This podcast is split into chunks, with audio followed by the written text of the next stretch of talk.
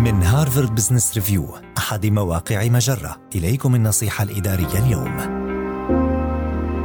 تعلم مهارات التواصل الافتراضي.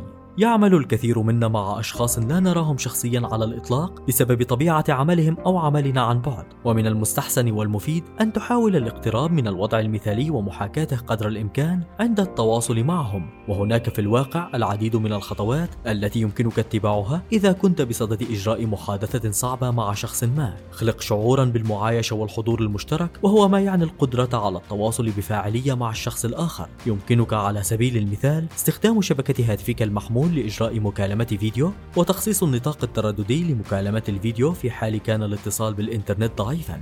حاول إجراء تواصل بصري مع الشخص الذي تتحدث معه وحاول تقديم المعلومات بأسلوب يتصف بالتعاطف والاهتمام الودي وخصوصا عند خوض محادثات صعبة من الناحية العاطفية أو عند مشاركة الأخبار السيئة.